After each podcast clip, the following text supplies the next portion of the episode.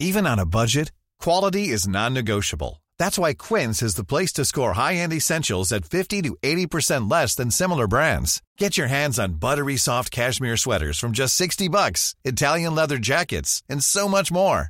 And the best part about Quince, they exclusively partner with factories committed to safe, ethical, and responsible manufacturing. Elevate your style without the elevated price tag with Quince. Go to quince.com slash upgrade for free shipping and 365-day returns.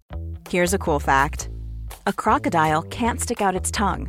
Another cool fact you can get short term health insurance for a month or just under a year in some states. United Healthcare short term insurance plans are designed for people who are between jobs, coming off their parents' plan, or turning a side hustle into a full time gig.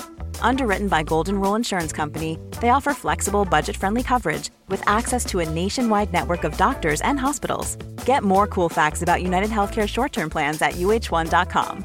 Quality sleep is essential. That's why the Sleep Number Smart Bed is designed for your ever evolving sleep needs. Need a bed that's firmer or softer on either side? Helps you sleep at a comfortable temperature? Sleep Number Smart Beds let you individualize your comfort so you sleep better together. JD Power ranks Sleep Number number 1 in customer satisfaction with mattresses purchased in-store. And now, save 50% on the Sleep Number limited edition Smart Bed for a limited time. For JD Power 2023 award information, visit jdpower.com/awards. Only at a Sleep Number store or sleepnumber.com.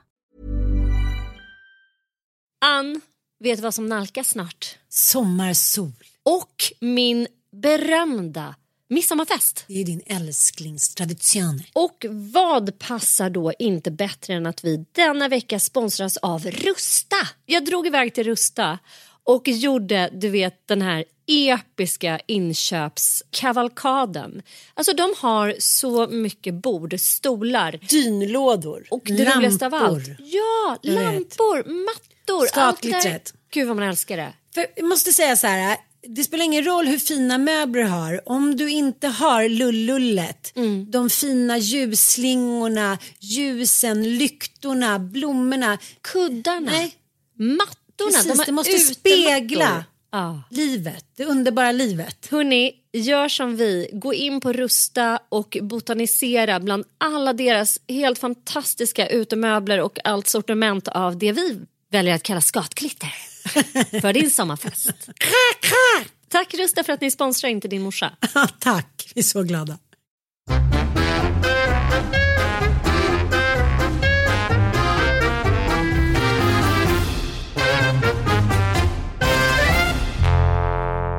Hej och välkomna till Inte din morsa. Nu har vi suttit och pratat 45 minuter off. Det, det, Cam. det, det är ofta så det är. det är så mycket som måste avhandlas. Vi hade inte blivit rumsrent om vi hade tryckt på räck och så att säga langat ut det här i etern. Nej, fast... Det är många närstående som hade kunnat Jo, det bli riktigt upprörda. Men nu låter det som att vi inte berättar någonting ju. Nej, men det, gör vi, men vi gör måste ju tänka på pressetiska regler Ja. och dylikt. Ja, det det behöver vi inte göra när det vi är off cam. Nej men vi har pratat lite om studentskivor och eh, Ja men det, vi, det jag fastnade vid som jag som liksom lite tar vid förra veckans podd. Vilket, vi störde oss ju på det i Anna Björklunds Kvinnomalalen att hon är oförmögen att se sin egen klassbakgrund och sätta sig själv och eh, sin eh, idé om lycka i relation till det. Och som Olga sa någonting, hon bara, jag förstår inte vad det är hon tycker är så unikt.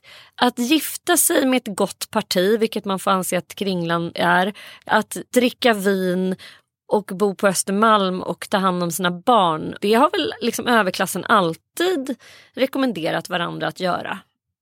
alltså typ så här, vad är nytt på himlen här? Jo, Ingenting. det typ. kanske är de liksom ekologiska linkjolarna. Hon kör ju lite nät. Eh, Jo fast hon liksom, skriver ju näver- också extremt mycket om att hon älskar Totem och eh, Mary-Kate Olssons, alltså tvillingarnas märke för att de är liksom lite hennes stil. Så här, eh, kvinnokroppen får plats i dem på ett bra sätt. Tvillingarna. Ja, tvilling, de, är typ är anorektiska. grovt anorektiska. Jo, men hon verkar ha någon slags eh, dubbel eh, inställning till att hon älskar eh, pro-ana-brudar samtidigt som hon vill vurma för liksom, den barnafödande kvinnan Mm. eh, och korsetter och så vidare. Ja, men skit i henne nu. Men det som, som du sa nu, du hade varit på studentmottagning Mm. och eh, i, eh, vad ska man säga, högdjurens, eh, på högdjurens Östermalm. Ja det kan man väl säga. Mm. Mm. Grejen är så här, jag tycker att det är roligt med alla klasser. Jag är liksom som en katt bland hermeliner. Jag, jag kan liksom tycka att så här, det är roligt att vara på Säder på en studentskiva. Alltså, gud nu låter det så klassföraktigt. Jag kommer ju från Farsta. Jag hoppas ni så här, bear with me. Men jag tycker att det är lika roligt att stå liksom ute på en gårdsplan och boffa säga. och snacka om intellektuella grejer och hata högen. Som det är att stå så här med solglasögon på borden och köra uts uts och typ dricka champagne. Jag, jag tycker faktiskt att liksom allt är kul. Alla fester är kul tycker jag.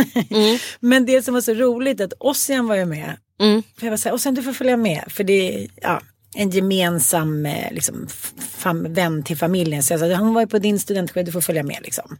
Och han hade ju precis varit ute och liksom, ja, men, målat räcket hemma hos Stefan och Karo. Så han hade väl någon, någon, någon, liksom brallor, några sköna brallor och någon vet, collegetröja och tofs och liksom utslitna Stan Smith som typ håller på att falla ihop. Men det var ändå, när han kom in där så var det ändå känslan att alla var så här This is the good guy typ. Det var väldigt märkligt liksom. Men vi gick in där och jag hinner knappast komma in då på festen innan det kommer fram unga pojkar. De är ju mellan 18 och 19. De har ju tagit studenten nu liksom. De ska presentera sig och är så här. Ja, men de är uppväxta med det där. Om det kommer någon äldre så kommer man ju och hälsar. Det är det första man gör. Och jag tänkte att det var ändå liksom utomhus, lite öppet. Det kändes inte som att någon skulle tycka att de var ouppfostrade om de inte direkt kom fram till mig. Om du förstår jag menar. Men eh, de, de, är, de har ju väldigt gott självförtroende. Det skulle dansas och det, de tyckte jag var snygg sa de. Men de ville pussas lite. Du blev alltså hårt raggad på. Till slut kom Ossian fram och det där är min mamma typ. Nej.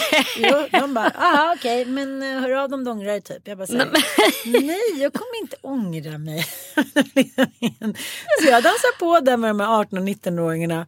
Och sen så kom jag på det där, vi har ju pratat om det innan, att den här generationen ungdomar har ju inte riktigt blivit lika mammade som vi blev. Nu pratar jag ju inte om, om alla barn såklart.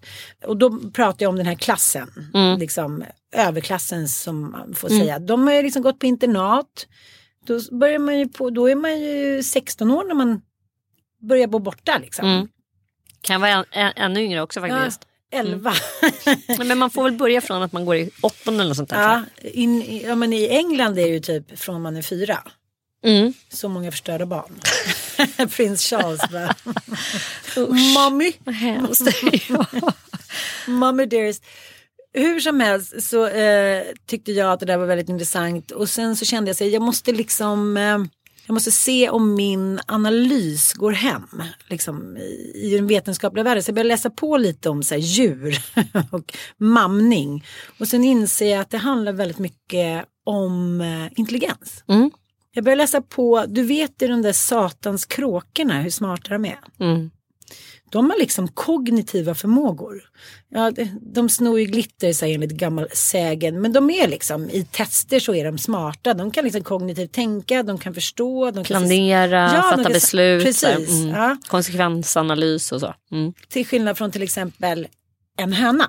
Ja. Och då insåg jag att skillnaden, när jag läste ju på, det var inte jag som insåg, att kråkan blir mammad, gissa hur länge? Så två, tre år kanske. Två år. Ja. Det är en fågel. Det är Ja. inte så that they're gonna live forever. Det är en, så här, det är en liten fågel. Ja. Ja. Men de får liksom hjälp, de blir matade, de blir liksom, efter två år så får de klara sig själva. Hönorna, vet du hur länge, vet du hur länge Det är sex veckor typ. Ja men typ så här 6 till 15 veckor, sen är de klara. Ja. Och den här liksom intelligensen då, alltså, de pratade också om AI, att man, så här, man försöker göra robotar till vuxna. Fast varför försöker man inte göra robotar till barn? Alltså de Ja. är ju mycket mer kognitivt Receptiva. Ja, och liksom har en inlärningsförmåga och, och hiten och diten. Och då tänkte jag på det här med att alla djur som blir mammade längre Mm. blir smartare. Ja, men var Mm. det inte det som var en stor artikelserie i, var det inte DN eller Svenskan? I svenskan. Ja. Ja, ja. Ja, men just så här att liksom, varför är mänskliga barn obrukbara så länge liksom? Och ja, Och även gamla människor. Som Mm. så här, och det var så fint tyckte jag som ja, den här serien skrev. Det, att så här, de gamla människorna ska gå i pension under den tiden när de liksom fortfarande mår bra. Mm. Tänk, tänk, var min tolkning. För att de ska föra kultur och arvet vidare. mm.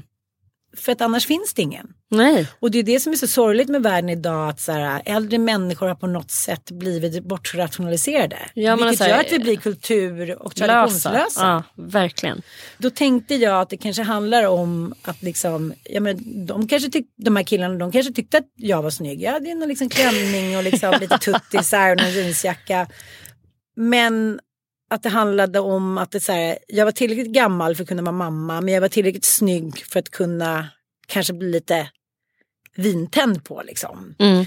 Eh, och du och jag har ju pratat om det där innan, att det är det man saknar själv allra mest. Att bli mammad när ens mamma har gått bort.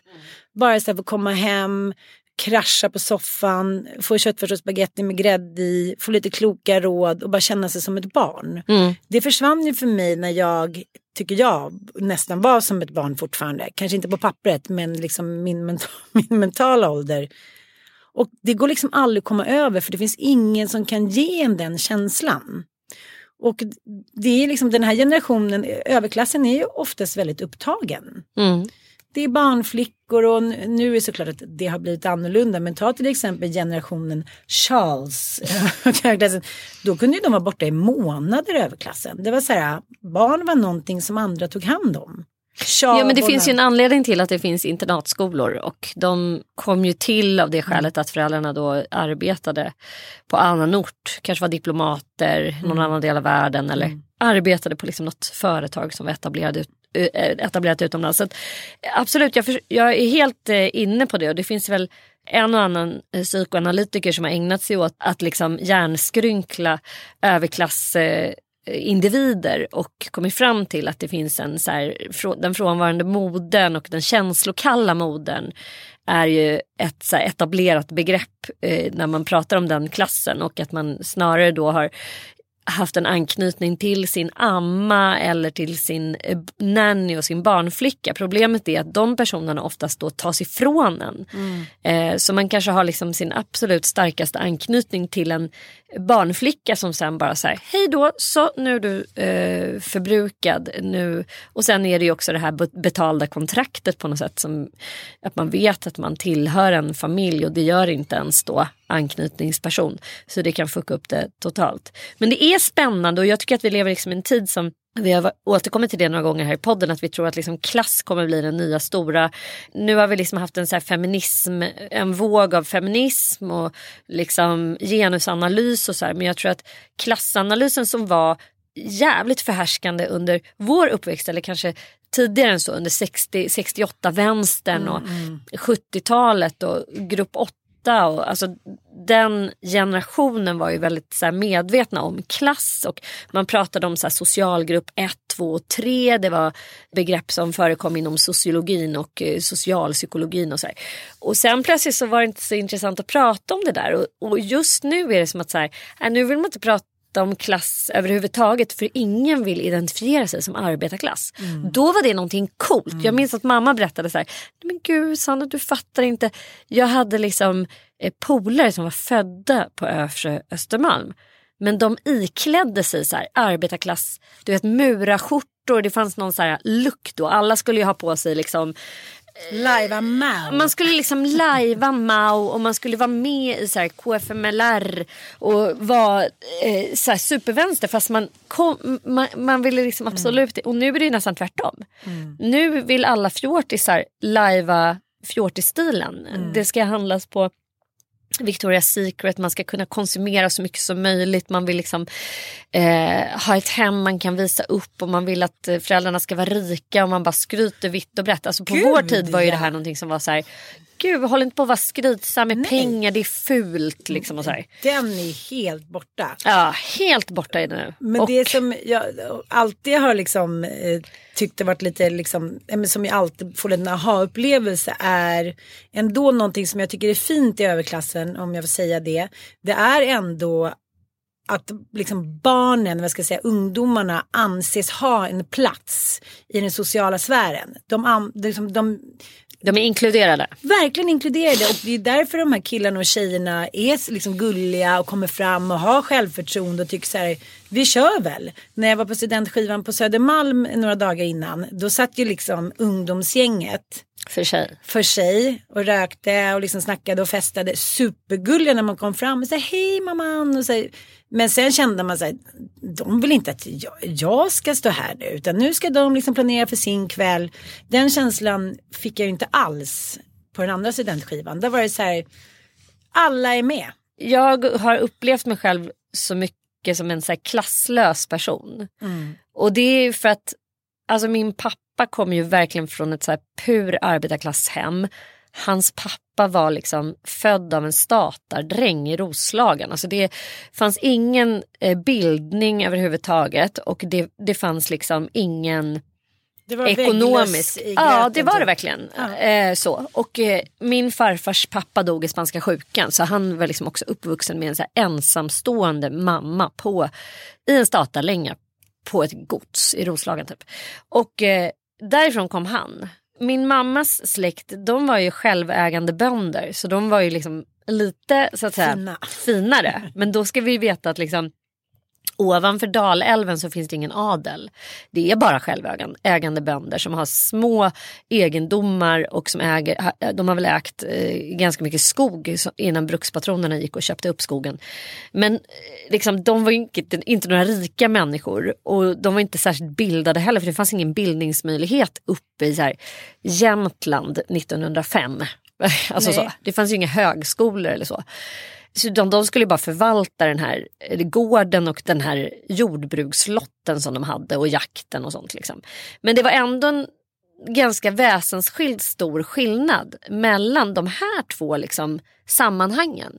Självägande bönder, där mamma kom ifrån, där var det jätteviktigt att man ändå skulle visa sitt välstånd. Vi är lite finare. Vi äger ju faktiskt vår, vårt eget hus, vi äger vår egen mark. Vi, när vi bjuder, då bjuder vi ordentligt. Apropå det här med Swedengate, att man liksom Ja. inte bjuder. Det fanns ju inte därifrån. Men i min, min pappas bakgrund, alltså de hade ju aldrig gäster. De umgicks liksom inte med folk överhuvudtaget utan det handlar väldigt mycket om den här lilla lilla familjen. Det var väldigt så här inrutat. Det kan ju ha massor med andra skäl också men jag tror definitivt att det hade en så här klass...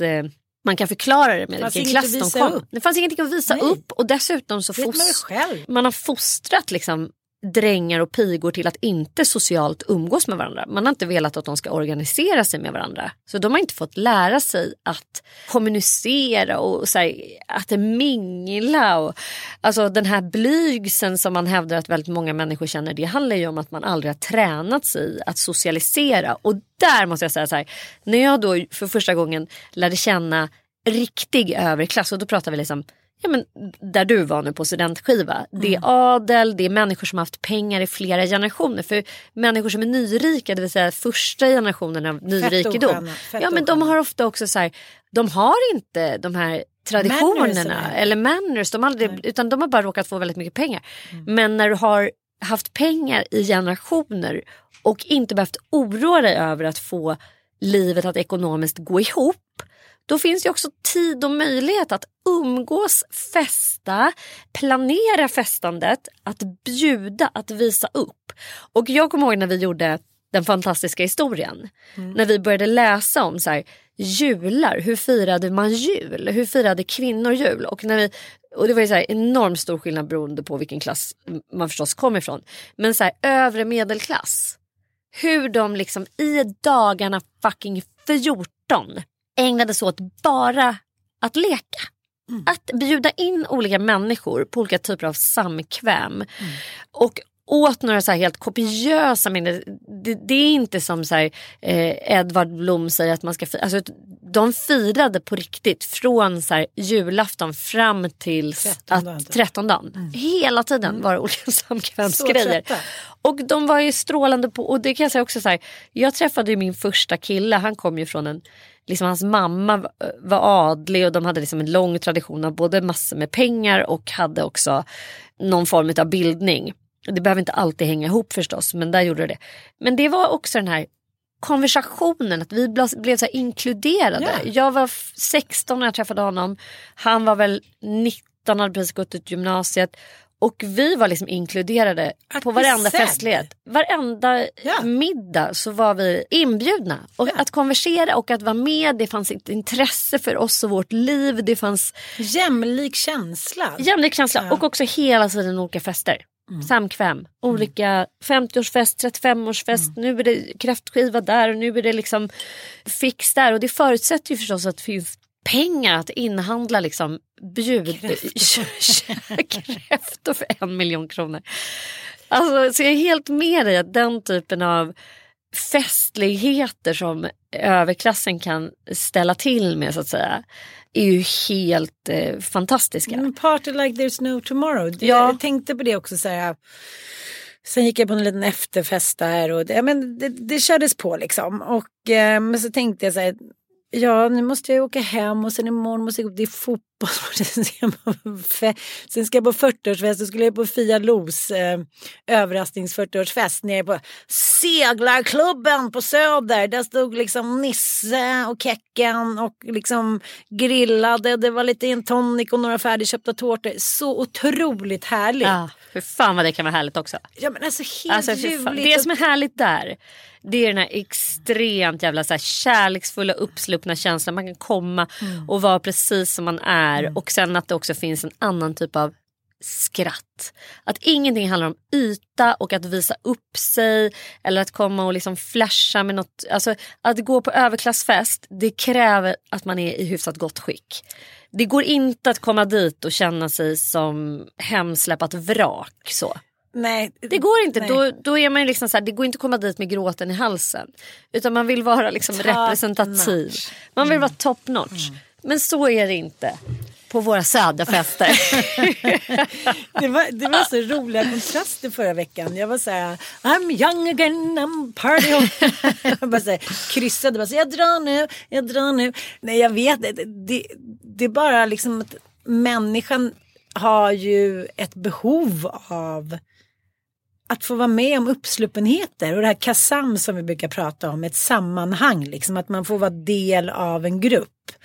Jag tänkte också det när jag läste om Caroline Ringskog Ferrada Noli. Hon har skrivit en bok, den kom ut för några år sedan, som heter Rich Boy och den handlar just om det här. Det är s- från 60-talet fram till liksom, ja, i modern tid. Och just det här hur överklassen då skulle sitta liksom sina ettor på Östermalm och dricka dåligt rödtjut och liksom eh, revoltera mot överklassen.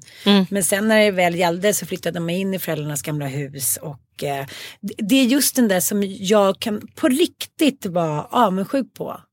Att veta att det alltid kommer att ordna sig.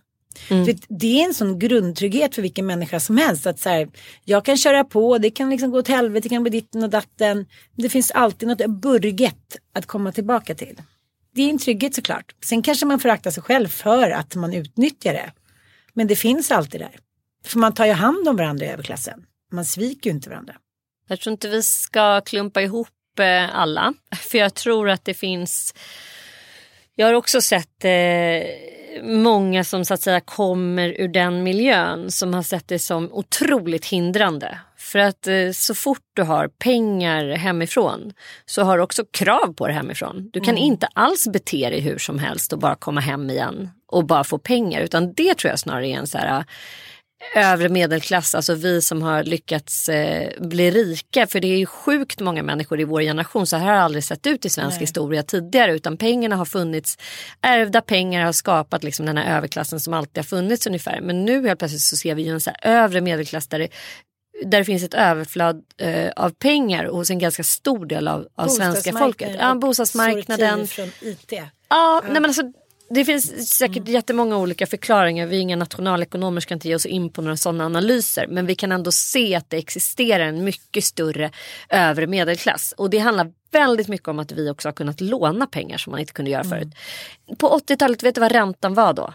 Var det typ så 17 procent? Ja men det var, det var liksom helt Nej, sjukt. Det, det gick inte att låna Nej. pengar till ett hus. Och det kommer tyvärr börja se ut så nu också. Så att vi som har haft för, eh, möjligheten att göra det nu. Vi är liksom unika historiskt sett.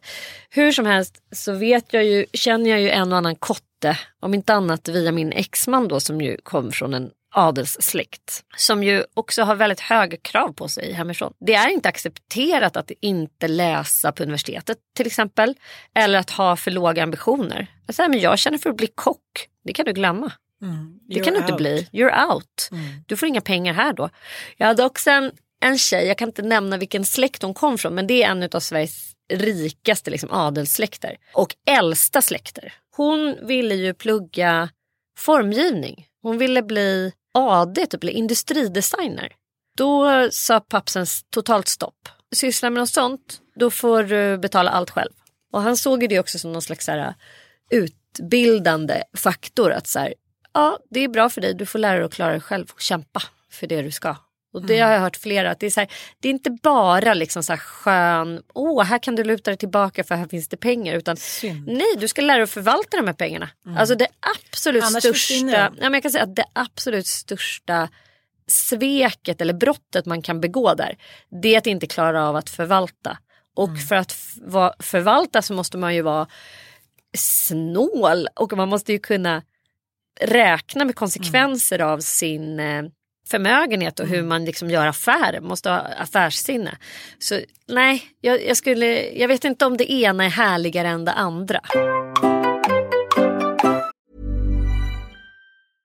Ready to pop the question? The jewelers at BlueNile.com have got sparkle down to a science with beautiful lab-grown diamonds worthy of your most brilliant moments. Their lab grown diamonds are independently graded and guaranteed identical to natural diamonds, and they're ready to ship to your door. Go to Bluenile.com and use promo code LISTEN to get $50 off your purchase of $500 or more. That's code LISTEN at Bluenile.com for $50 off. Bluenile.com code LISTEN. Ever catch yourself eating the same flavorless dinner three days in a row?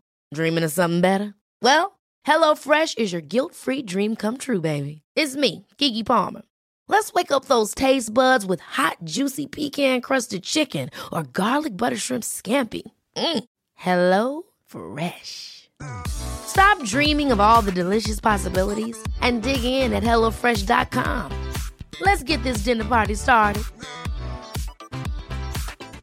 Quality sleep is essential. That's why the Sleep Number Smart Bed is designed for your ever evolving sleep needs. Need a bed that's firmer or softer on either side? Helps you sleep at a comfortable temperature? Sleep Number smart beds let you individualize your comfort so you sleep better together. JD Power ranks Sleep Number number 1 in customer satisfaction with mattresses purchased in-store. And now, save 50% on the Sleep Number limited edition Smart Bed for a limited time. For JD Power 2023 award information, visit jdpower.com/awards. Only at a Sleep Number store or sleepnumber.com. A lot can happen in three years, like a chatbot may be your new best friend. But what won't change? Needing health insurance. United Healthcare Tri Term Medical Plans, underwritten by Golden Rule Insurance Company, offer flexible, budget friendly coverage that lasts nearly three years in some states. Learn more at uh1.com.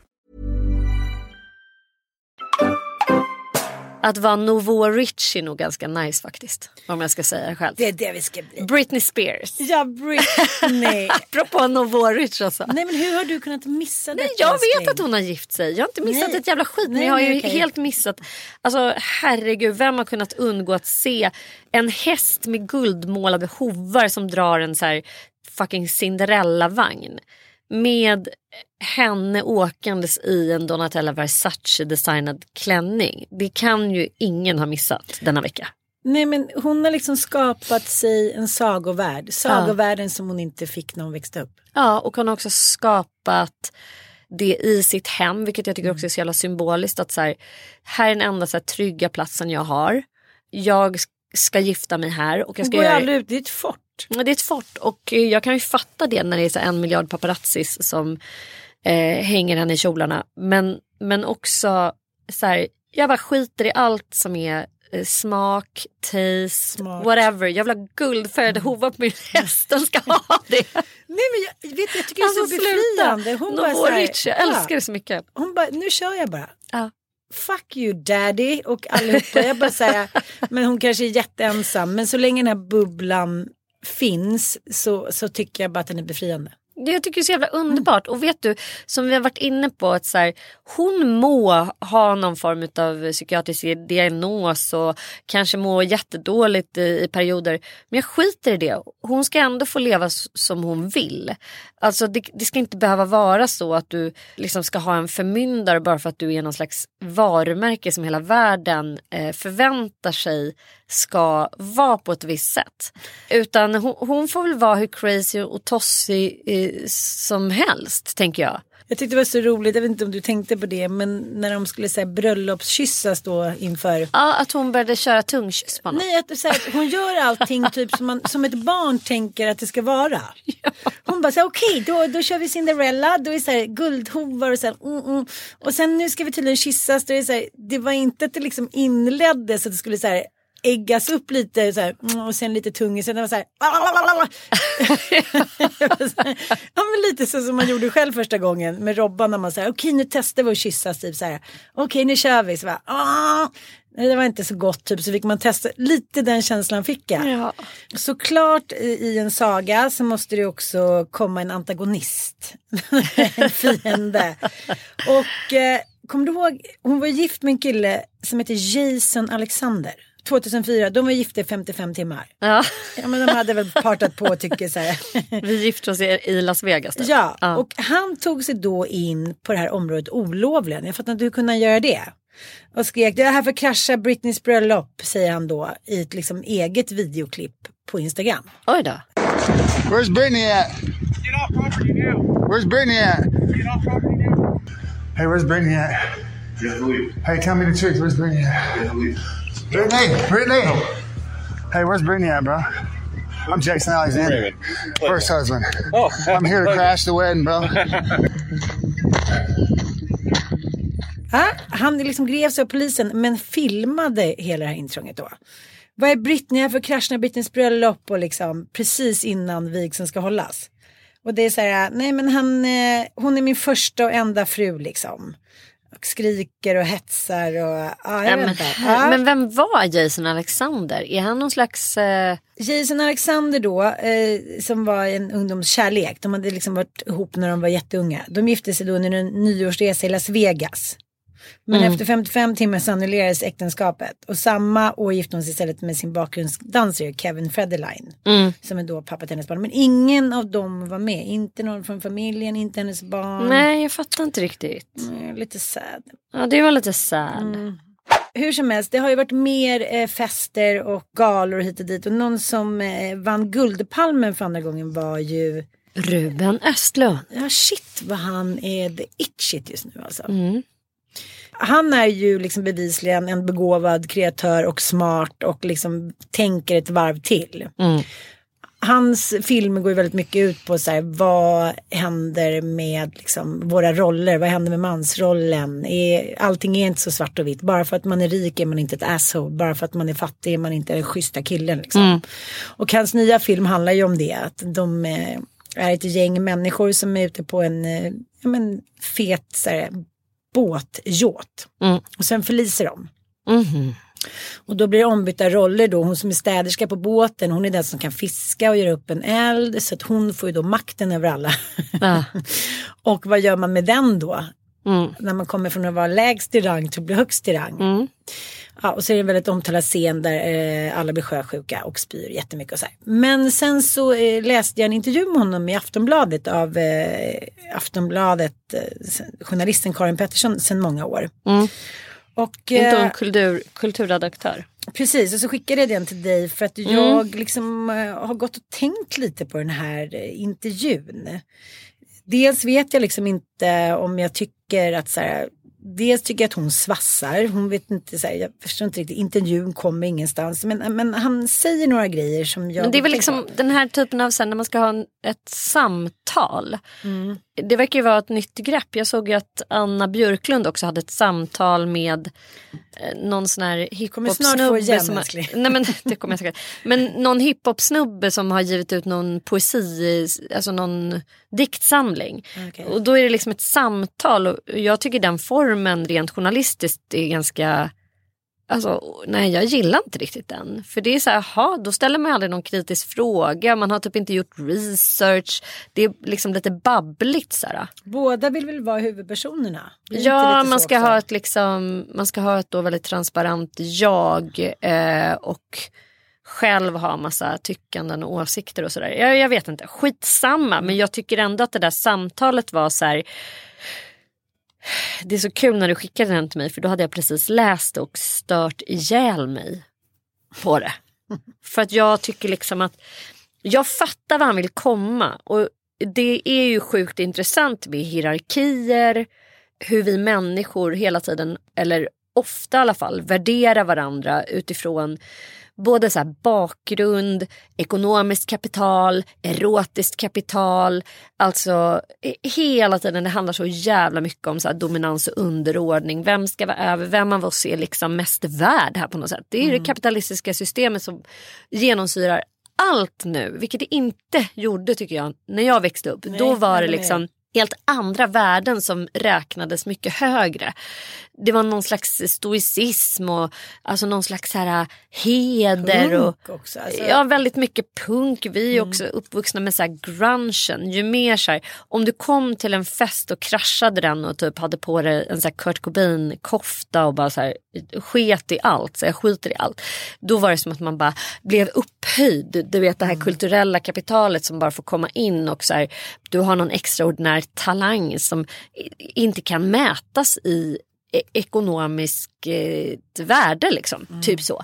Men nu lever vi i en sån tid och jag, jag tycker det är skitintressant. Jag tycker hans filmskapande är jätteintressant. Men han återkommer ju till det, eh, har han gjort i flera intervjuer i, nu när, när han var på Cannes och vann sin förra Guldpalm och var nyförälskad i sin fru. Och eh, de är ute och äter vid upprepade tillfällen. Och hon förväntar sig att han ska betala. Varpå han liksom dag tre ruttnar på det. För att han liksom bara känner sig, jag har ingen lust att hon bara ska ta för givet att jag ska betala för att jag är man. Ja, och, och, och där kom då liksom tanken på den här filmen som han nu har gjort. Som heter The Triangle of Sadness. som handlar då om kapitalet och skönhetsindustrin. Och han menar ju på det att vi kvinnor är såna jävla hycklare. Han menar på liksom att mannen har blivit någon så här boyfriend, eh, liksom eh, sad story som så ska ta bilder på sin flickvän på Instagram men helt har reducerats till liksom, ja, nothing typ. Och att vi liksom inte, vi vill inte låtsas om hur skönhetskapitalet påverkar liksom all vår status och allt vi gör. Att vi så här, men vi ska kunna vara supersnygga men ni ska ändå se som så här tjejer som är som superfeminister och inte alls bryr sig om Och sen ska liksom ni ändå betala för allting trots att vi tjänar jättemycket pengar på alla våra samarbeten som vi gjort. Precis. Det, till, det Mm. liksom tillhör hela idén om att så här, det här gamla traditionella eh, könsstereotypa mönstret. Liksom, att, så här, vi har ändå en liten stackars man där vid sidan av som ändå så här, langar fram pluskan. Mm. Bara för syns skull om inte annat. För det ser bäst ut typ. Men jag Ehm. tycker det är så intressant för, för tredje kvällen då, då säger han till henne nu vill jag att du ska betala. Mm. Då har de en diskussion och sen kommer notan in och då, då tar hon notan. Och då tänker jag så här, men gud vad bra. Mm. Men sen så bara lägger hon tillbaka den och så tittar hon bort. typ det här var lite för mycket liksom, nu får du betala. så han betalar, lackar ur, de går till varsitt hotellrum och där börjar tvivlet då, säger han. Liksom, har jag gjort rätt, har jag gjort fel, hon hör inte av sig, eh, kommer inte hon vilja ha mig länge nu, bla bla bla. Ja, men lite som tjejer i alla tider. Så här, Ska han inte ringa, tycker han inte att jag är het, finns det någon annan liksom. Och sen ringer hon och de pratar om det här och han säger så, så nära har jag aldrig varit en människa. Ja. Ja, då känner jag så här, dels är det någonting som han utelämnar för det låter så otroligt banalt. Jaha, hon, hon gick med på att förstå att hon hade gjort fel och då kunde de närma sig. Jag tycker att så här, det här det här liksom blir fel diskussion. De är i Cannes, han har vunnit Guldpalmen, de är nykära. Eh, han har mer stålar, även fast han låtsas om att de har lika mycket stålar, säger han i intervjun, men det har de ju inte liksom. Nej. Han är ju stormrik. Ja, är det rätt ställe att börja säga nu ska vi bråka om pengar? Jag blir bara såhär, nej för fan ha lite fucking romance man. Vet du, jag tänkte så här. Eller? Vi byter ut honom mot en kvinnlig filmskapare. Säg att det hade varit liksom Lisa Langstedt. Lisa Langstedt har varit där. Det är klart att hon bjuder. Ja. Hon är rikast. Ja. Hon har sitter dessutom har vunnit ett jättestort p- Hon får filmpris. knulla med en snygg kille. Ja, och hon har också så här, eh, kammat hem den snyggaste killen som sitter där Ja. och så här, typ troligtvis lite yngre. Nu, nu ska jag inte svära på det, nu kanske någon kommer rätta oss här men, men hon är väl säkert lite yngre. Och dessutom är jättesnygg. Och man är Var glad. medföljande, var glad och pröjsa. Alltså, sen kan man väl ta den diskussionen när man har levt ihop eh, och man bara ser den här strukturen och, och jag tänker att anledningen till att han känner sig så nära det är väl att de frångår alla så här idéer och strukturer. Så här ska vi leva, så här säger omvärlden att vi ska leva när man liksom blir nakna inför varandra på riktigt. Och liksom så här. Men inte fan handlar det om när man sitter i Cannes. För då, alltså, varför gör han ens en film då som han vill ska vinna en guldpalm? Det är exakt samma hyckleri. Han- Man ska inte ens åka och ta emot den där jävla guldpalmen. För det är stormrika människor som finansierar hela den där filmbranschen. Och som ser till att eh, Cannes filmfestival ens kan bli av. Och han går på alla efterfester på alla yachter och alltihopa. Så att det, är liksom, det finns ett enormt så här, hyckleri i det. Han gillar ju att någon annan betalar för det. Så att, eh, varför skulle inte han kunna betala för sin eh, Jag tjej? den där vi- kostymen han har på sig, det är liksom, den ser ut som att bara den typ kostar 90 000. Jag känner så här, hyckleriet finns i alla världar nu. Det är det som är så tråkigt att ingen orkar längre stå emot. Nu har de gjort någon ny sån här golftour. Där eh, olika liksom, ja, oljeshejker har liksom startat då en alternativ golftour som inte är lika kreddig då. Men där liksom den som kommer sist får typ fyra mil. Så de där, ja, men det är de där gubbarna som så här, de vet de har så här, två, tre good years kvar med golfbollen. De är så här, hej då, ha det så bra. Typ alla så här, det är inte hedersamt. Vi stänger av dem. De har månggifte, Ja, det är muslimer ja, som beter sig illa. de De, är typ så här slaveriarbete och så. Men skitsamma. De bara, nej men vänta vi går på den här andra liksom, golftouren med unga killarna. Vi hamnar så här, 63 slag efter och ser tjocka och gamla och dåliga ut. Eller så går vi på den här nya touren och bara cashar in och får så här, öppna munnen och det flyger in liksom svalor. Alla är typ kulturarbetare, poddar, det finns ingen som inte säljer sin själ för pengar och då kanske man inte säljer sin själ längre. Då kanske det är bara vanligt jävla kneg. Mm. Jag vet men han säger också en grej till att så här, det är tid för kvinnan att utvecklas nu. Mm. Han menar på liksom att så här, vi sitter där och klagar på mannen och han är så här, si och så, särskilt efter metoo. Ingen som vågar säga någonting. För Karin Pettersson undrar här, varför ingen som ger sig in i den offentliga debatten. Med våld, med liksom sexuella övergrepp, bla bla bla. Och då, där tröttnade jag. Han bara säger, det är ingen som vågar. Vadå vågar? Det finns ju för fan liksom fem miljoner män i Sverige. Ni vågar ju tjafsa om allt annat och liksom gå in i olika debatter och tycka Du till vågar tjafsa om en jävla nota Ja, Ruben Östlund. gå in och skriv en jävla ja, krönika om kvinnovåld. ja. Nej, det är ingen som vågar längre. Ingen vågar uttala sig. Det är en jävla efter, dålig efter metoo så är det ingen som vågar. Man bara, Man bara- vilket jävla bullshit. De Nej, vä- slöhet. Ja, det är slöhet. Ja. Och det är liksom ointresse och att säga så här, kvinnan måste utvecklas. Jag tycker det också är så här, om man nu inte vill att kvinnor och män ska separeras och ha olika uppgifter och eh, ha olika värden, så här, men då får man väl då får man väl kämpa lite grann för det tänker jag. Så här, att säga att kvinnor inte, alltså jag vet inte, nej, jag tycker han är helt jävla fel ute. Ja, men det är också så här, åh! men han är on top of things. Han är, så här, han är liksom den högsta kasten. Mm. Och då så då har man inte så mycket liksom medlidande. Då är man inte så humanistisk. Då är man on top of things. Sen kommer han ju trilla ner och fram och tillbaka. Men det är så här, kvinnan måste utvecklas. Och jag tyckte det var så banala idéer han sa också. Så här, nu tar jag med mitt barn här då liksom när jag ska på den här intervjun. Och det måste min fru förstå liksom att jag kan göra det bra också. Man bara så här, Jaha, är det någon fru som inte tänker? Det är bara att de flesta snubbar gör ju inte lika bra. Därför får man ändå liksom hålla koll på allting.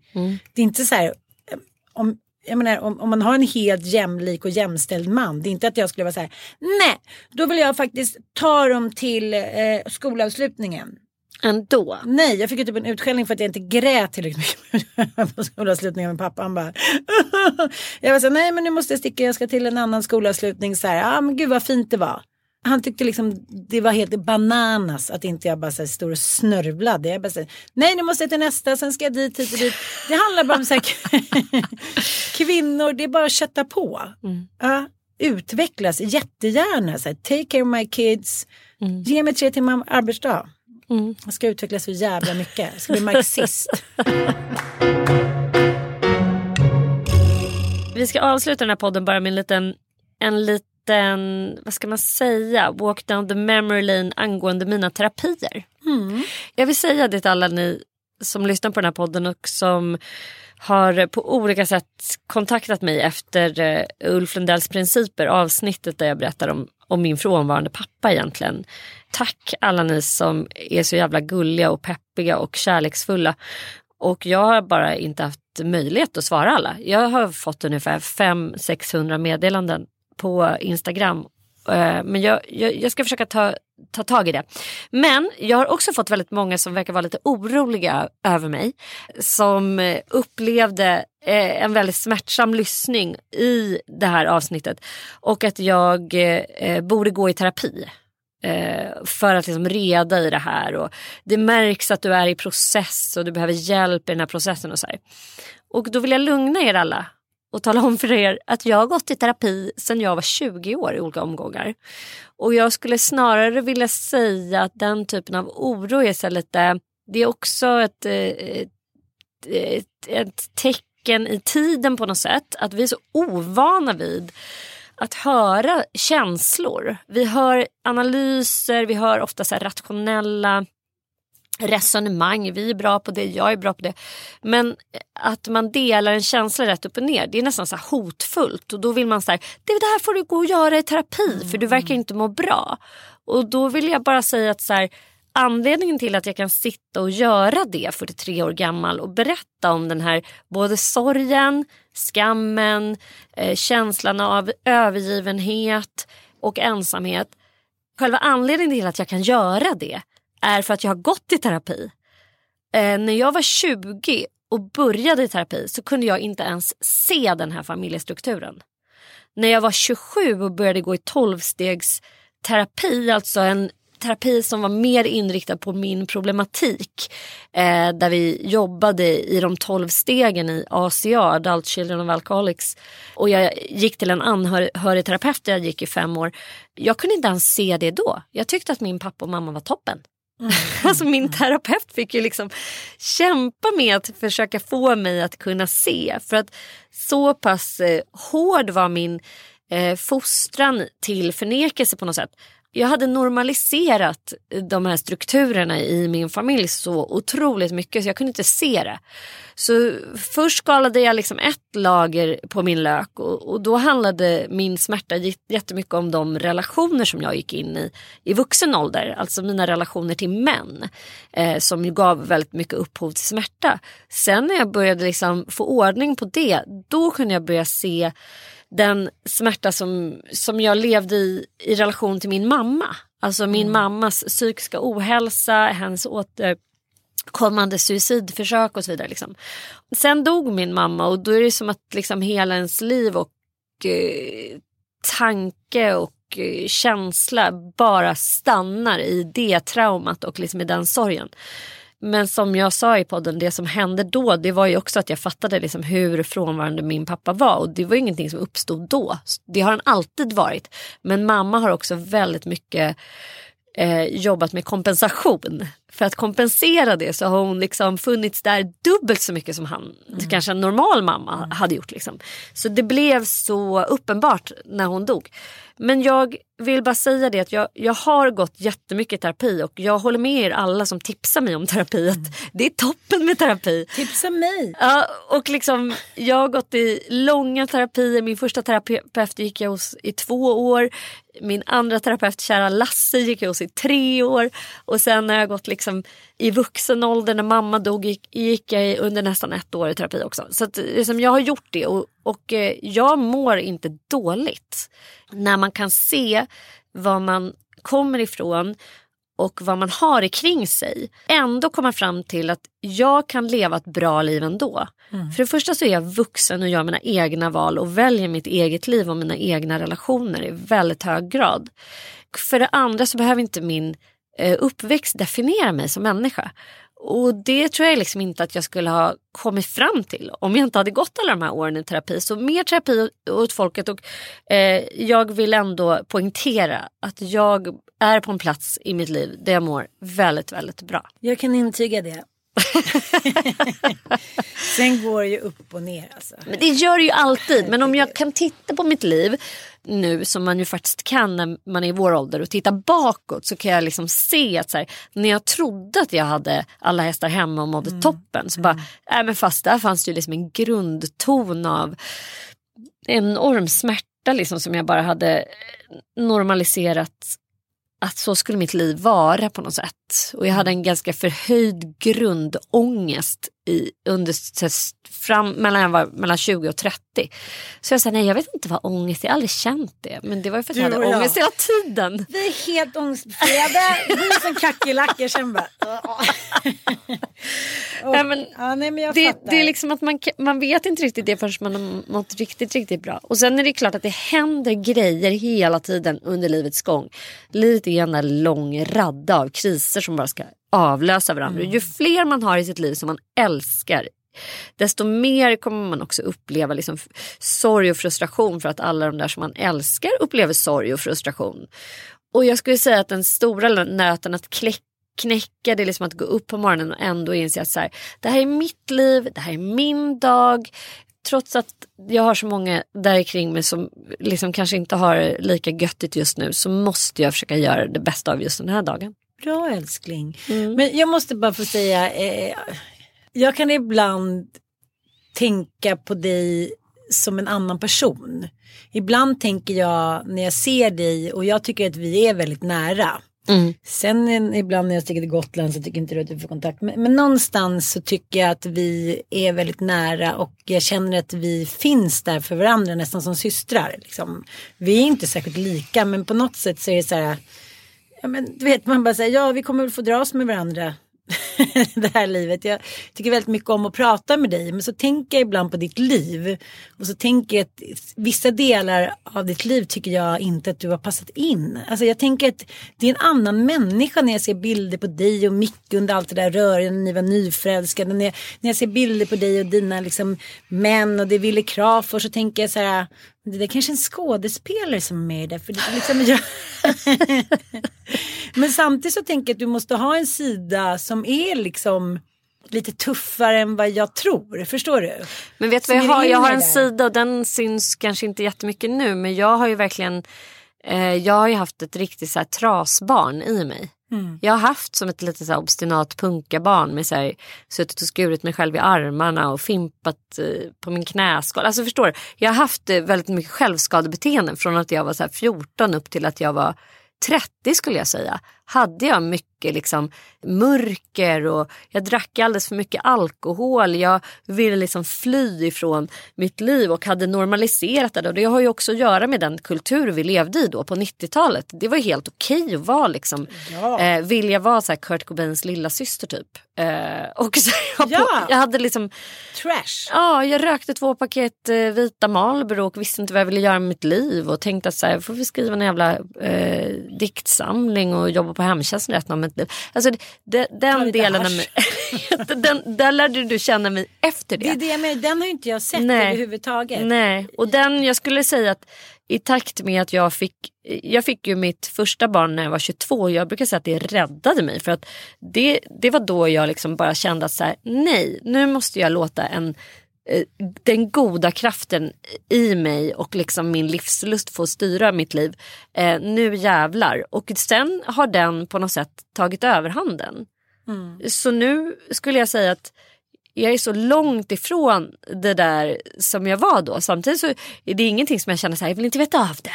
Men eh, det kan nog komma fram någon liten 20 svartrockare Nej men jag, på ålderns höst, you never know. nej men jag tänkte också att det var så roligt igår för Britta Zackari eh, fyllde ju 40 igår och sen så kidnappade då eh, Kalle Zackari henne. Och de, de är ett fascinerande par tycker jag. Jag såg dem på Gröna Lund häromdagen. Det är så här, Han la ju ut en väldigt rolig bild här men på henne. liksom en här närbild, typ underperspektiv så här, på, en, på hennes röv och var så här, grattis på 23-årsdagen. När hon böjer älskling." sig in i en bagagelucka Ja, ja. för att hämta typ en väska på ett parkeringshus i Arlanda. Skitkonstig bild. Men jag, jag, jag ska inte säga att du ska ta Brittas kille. Men jag känner så här, det hade varit kul att se om du hade träffat en sån snubbe när du var 13, 30. Ja men Kalle Ja. Zackari liksom hade sluppit allt drama. Hur det hade varit. Det, hade bara, det är ett litet roligt tankeexperiment. Fast grejen älskling det är att jag är Kalle Zackari. Va? Jag är själv Kalle Ja Zackari. det är därför. Ja, så jag behöver inte. Eh, han är ihop med Britta, jag blir ihop med Micke. Det är två liksom diagnosmänniskor. Vi avslutar här. Kris. Tack för att ni har lyssnat. Puss och kram. Puss.